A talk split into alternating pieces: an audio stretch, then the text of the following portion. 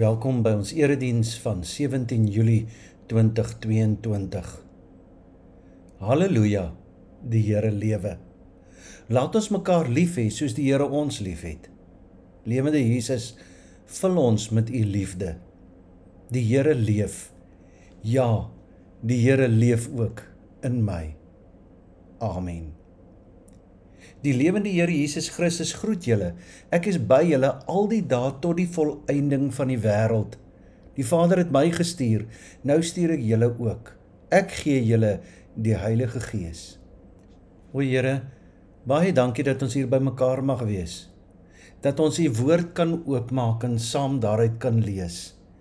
Help ons dat ons kan hoor, kan verstaan en dat dit deel van ons lewens mag wees. Laat die Heilige Gees ons oorneem. Amen. Ons lees saam met 1 Johannes 1 van vers 1 af. Van die begin af was hy daar. Ons het hom self gehoor. Ons het hom met ons eie oë gesien. Ja, ons het hom gesien en met ons hande aan hom geraak. Hy is die woord, die lewe. Die lewe het gekom. Ons het hom gesien en is getuie daarvan en ons verkondig aan julle die ewige lewe wat by die Vader was en aan ons geopenbaar is. Hom wat ons gesien en gehoor het, verkondig ons aan julle, sodat julle aan ons gemeenskap deel kan hê.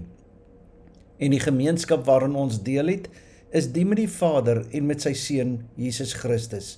Dit skryf ons sodat ons blydskap volkome kan wees. Dit is nou die boodskap wat ons by hom gehoor het en aan julle verkondig. God is lig en daar's geen duisternis in hom nie. As ons beweer dat ons aan hom deel het, en ons lewe in die duisternis, lieg ons en handel ons nie volgens die waarheid nie. Maar as ons in die lig lewe soos hy in die lig is, het ons mekaar deel aan dieselfde gemeenskap en reinig die bloed van Jesus, sy seun ons van elke sonde. As ons beweer dat ons nie sonde het nie, bedrieg ons onsself en is die waarheid nie in ons nie. Maar as ons ons sondes bely, hy is getrou en regverdig. Hy vergewe ons ons sondes en reinig ons van alle ongeregtigheid. As ons beweer dat ons nie gesondig het nie, maak ons hom tot leenaar en is sy woord nie in ons nie. Dit skryf ek aan julle, my liewe kinders, dat julle nie moet sondig nie. En as een van ons sondig, ons het Jesus Christus die regverdige as ons voorspraak by die Vader. Hy is die verzoening vir ons sondes en nie net vir ons sondes nie, maar ook vir die van die hele wêreld tot sover. Wat is die doel van die Bybel? Hoekom is die Bybel geskryf? Ja, die Bybel is geskryf sodat ons daardeur vir God kan ontmoet en leer ken. En ja, die Bybel leer ons om in die regte verhouding met God te staan. Maar die Bybel help ons ook om te word wat God ons bedoel het om te wees. Die Bybel help ons dus om ons gedrag te verander. Ons moet dus lewe op 'n manier wat pas by God se wil en dit is wat die Bybel ons leer. Daar is baie plekke in die Bybel wat dit op een of ander manier verduidelik. 'n Boom word aan sy vrugte geken. Julle is die sout en die lig vir die wêreld. Julle is my liggaam, riglyne vir 'n nuwe lewe. Ons is in Christus, lewe deur die Gees en so kan ons aangaan. Johannes bemoedig gelowiges om getrou te bly aan die inhoud van hulle geloof, Jesus Christus. Hulle word ook opgeroep om hulle Christelike lewenstyl prakties uit te leef. Johannes moedig Christene aan om hulle liefde vir God te laat oorspoel in 'n praktiese liefde vir mekaar. Hy spoor Christene aan om as kinders van God in verhouding met Jesus Christus te lewe, sodat hulle elke dag nuut kan onthou dat hulle van elke sonde skoon gewas is. Soos 1 Johannes 1 vers 9 sê, maar as ons ons sondes bely, hy is getrou en regverdig. Hy vergewe ons ons sondes en reinig ons van alle ongeregtigheid. Ek word dus nie in die oggende wakker met 'n swaar las van al my sonde nie. Nee, ek word elke oggend wakker met die wete dat al my sondes betaal is. Dit is 'n groot mindshift wat ons moet maak. Of ek begin met 'n las of ek begin elke dag nuut. Ek leef nie met die las van vergewe my asseblief nie, maar wel met die vryheid van dat my sonde vergewe is. Nou lewe ek 'n lewe van dankbaarheid en nie van wegkruip nie. Sien dit is net in jou verbondenheid met Christus dat jy waarlik vrygemaak begin lewe. En die oomblik wanneer ons besef dat ons vrygemaak is van die sonde, begin ons ook anders lewe. 'n Vrygekoopte lewe beteken dat jy nou 'n lewe van dankbaarheid begin lewe. Nou kan jy elke dag na God se wil begin soek. Nou kan jy betrokke raak waar God reeds betrokke is. Nou kan jy omdat jy alles uit genade ontvang het, noodwendig ook by die nood van die wêreld betrokke raak. God wil ons help om op 'n baie praktiese vlak by mekaar betrokke te raak. Dit is hoe jou verlossing 'n verskil maak in hierdie wêreld. Jy word deel van die hoop vir die wêreld. Deur jou kom daar positiewe verandering in die wêreld rondom jou. sien die wêreld is so vol haat en geweld en onsekerheid dat almal in hierdie wêreld hoop vir die toekoms verloor. En daarom moet ons as Christene so lewe dat die wêreld kan sien dat ons nie deel van die haat, geweld en onsekerheid is nie, maar dat ons vanuit ons verlossing lewe. Johannes wil ons ook help om sterk te staan teen die verleiding van die sonde, omdat dit ons aftrek om maar net weer deel van die wêreld chaos te word. Jy moet so lewe dat jou hele lewenstyl 'n leefstyl van ek behoort hart, siel en verstand aan God en daarom is en leef ek anders. Ek leef nie meer vasgevang my sonde nie. My sonde is betaal. sien sonde neem ons fokus van God en van mekaar af. Sonde trek jou weer in die modder van uitsigloosheid en sonde maak ons groter as die mense rondom ons. 'n Christen is nie sondeloos nie. 'n Christen se sonde is betaal en daarom leef ons vrygekoop en vrygespreek.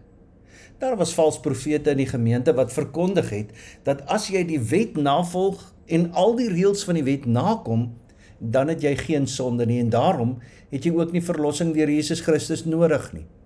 Om hierdie rede sê Johannes so duidelik in 1 Johannes 1 vers 8: As ons beweer dat ons nie sonde het nie, bedrieg ons onsself en is die waarheid nie in ons nie. Hulle het net 'n klomp wette nagekom en verder geleef net soos hulle wou. Hulle geloof, hulle hart, hulle verstand en hulle leefstyl was nie op dieselfde vlak nie. Hulle het geglo dat jy net met God 'n verhouding hoef te hê en dat jy dan so 'n bietjie beter en hoër as ander mense is. Omdat hierdie mense benede jou geloofstand is, hoef jy ook niks met hulle te doen te hê nie. En daarom fokus die hele Johannesbrief op die feit dat God juis jou uit liefde kom red het en dat ons nou in hierdie liefde moet lewe. 1 Johannes 2 van vers 7 af sê: Geliefdes, dit is nie 'n nuwe gebod wat ek aan julle voorskrywe nie, maar 'n ou gebod wat julle van die begin af gehad het. Die ou gebod is die boodskap wat julle gehoor het. Tog is dit ook 'n nuwe gebod wat ek aan julle voorskrywe. Dat dit werklik so is, is te sien in Jesus en ook in julle, want die duisternis is aan die verbygaan en die ware lig skyn alreeds. As iemand beweer dat hy in die lig is, maar hy haat sy broer, is hy nog steeds in die duisternis. Wie sy broer liefhet, bly in die lig en daar is niks wat hom laat struikel nie. Maar wie sy broer haat, is in die duisternis en lewe in die duisternis en weet nie waar hy gaan uitkom nie, omdat die duisternis hom blind gemaak het. Sien liefde is 'n nuwe gebod, maar eintlik was dit nog altyd wat God van ons verwag het. Dit is nie nou deur Johannes uitgedink nie. Matteus 22 van vers 37 staan Jesus antwoord hom: Jy moet die Here jou God lief hê met jou hele hart en met jou hele siel, met jou hele verstand. Dis die grootste en die eerste gebod. En die tweede wat hiermee gelyk staan is: jy moet jou naaste lief hê soos jouself. sien hierdie valse profete in die gemeente het dis nie net 'n valse leer nie, maar dit is 'n leer wat mense vals laat lewe die leer mond uit in 'n lewe wat nie langer getrou is aan die evangelie van Jesus Christus nie. Dit laat mense net weer fokus op hulle self en op hulle eie redding in hulle eie oë. Die eie ek heers nog steeds. Die mens bly steeds die belangrikste. En om alles te verduidelik, begin Johannes by Jesus self. In vers 1 tot 4 beklemtoon Johannes wie Jesus was. Van die begin af was hy daar. Ons het homself gehoor, Ons het hom met ons eie oë gesien. Ja, ons het hom gesien en met ons hande aan hom geraak. Hy is die woord, die lewe. Die lewe het gekom. Ons het hom gesien en is getuie daarvan en ons verkondig aan julle die ewige lewe wat by die Vader was en aan ons geopenbaar is. Hom wat ons gesien en gehoor het, verkondig ons aan julle sodat julle aan ons gemeenskap deel kan hê. En die gemeenskap waarin ons deel het, is die met die Vader en met sy seun Jesus Christus. Dit skryf ons sodat ons blydskap volkome kan wees. Let op hoe hy die fisiese kant van die vleeswording van Jesus beklemtoon. Hoor, sien, bekyk, met hande aangeraak. 4 keer praat hy van sien, 2 keer van hoor en 1 keer van aanraak. Johannes was 'n direkte ooggetuie van die vleesgeworde Jesus. Jesus het saam met hulle deur die stofstrate van Jerusalem, Judea en Galilea geloop en die koninkryk van God verkondig. En hierdie verkondiging was nie net woorde nie, dit was lewenstyl. Johannes fokus egter nie net op Jesus as mens nie. Johannes beklemtoon ook die ander kant, die kant van God wat in Jesus sigbaar geword het. Hy het gesien hoe God se liefde vir mense deur Jesus op aarde gewerk het. So groot was God se liefde dat Jesus selfs aan die kruis vir hulle gesterf het. En om hierdie rede moet ons alle mense lief hê soos wat God hulle liefhet.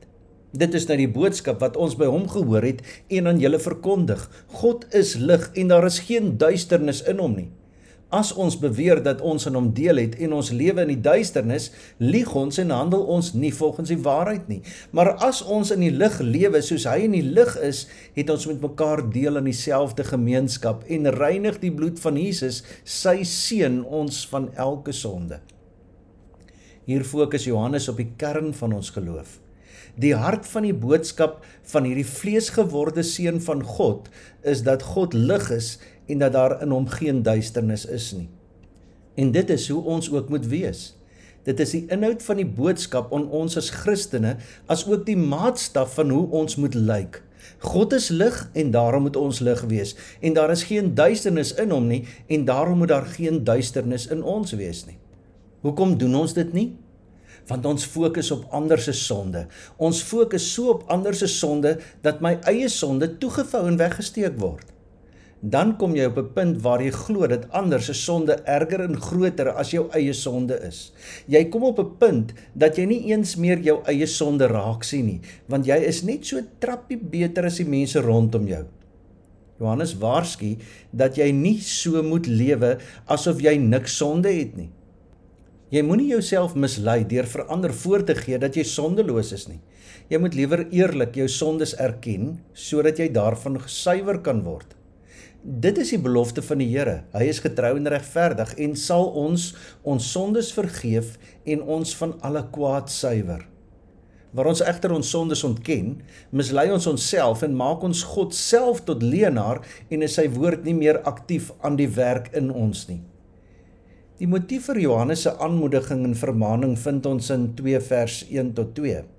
Dit skryf ek aan julle my liewe kinders dat julle nie moet sondig nie. En as een van ons sondig, ons het Jesus Christus die regverdige as ons voorspraak by die Vader.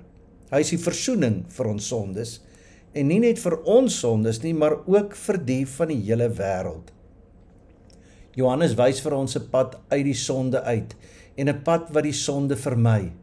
Bevry van skuld, bevry van skuldgevoelens, verlig en heel gemaak kan ons met nuwe vrymoedigheid in verbondenheid met God lewe. Die sonde het nie die laaste sê nie. As Jesus jou en my Here is, dan probeer ons nie meer die wêreld op ons skouers dra nie. Nee, ons sê daagliks vir Jesus, ek gee my hele wêreld aan U, omdat U dit beter sal dra as wat ek kan droom om dit te doen. En daarom het ek U lief.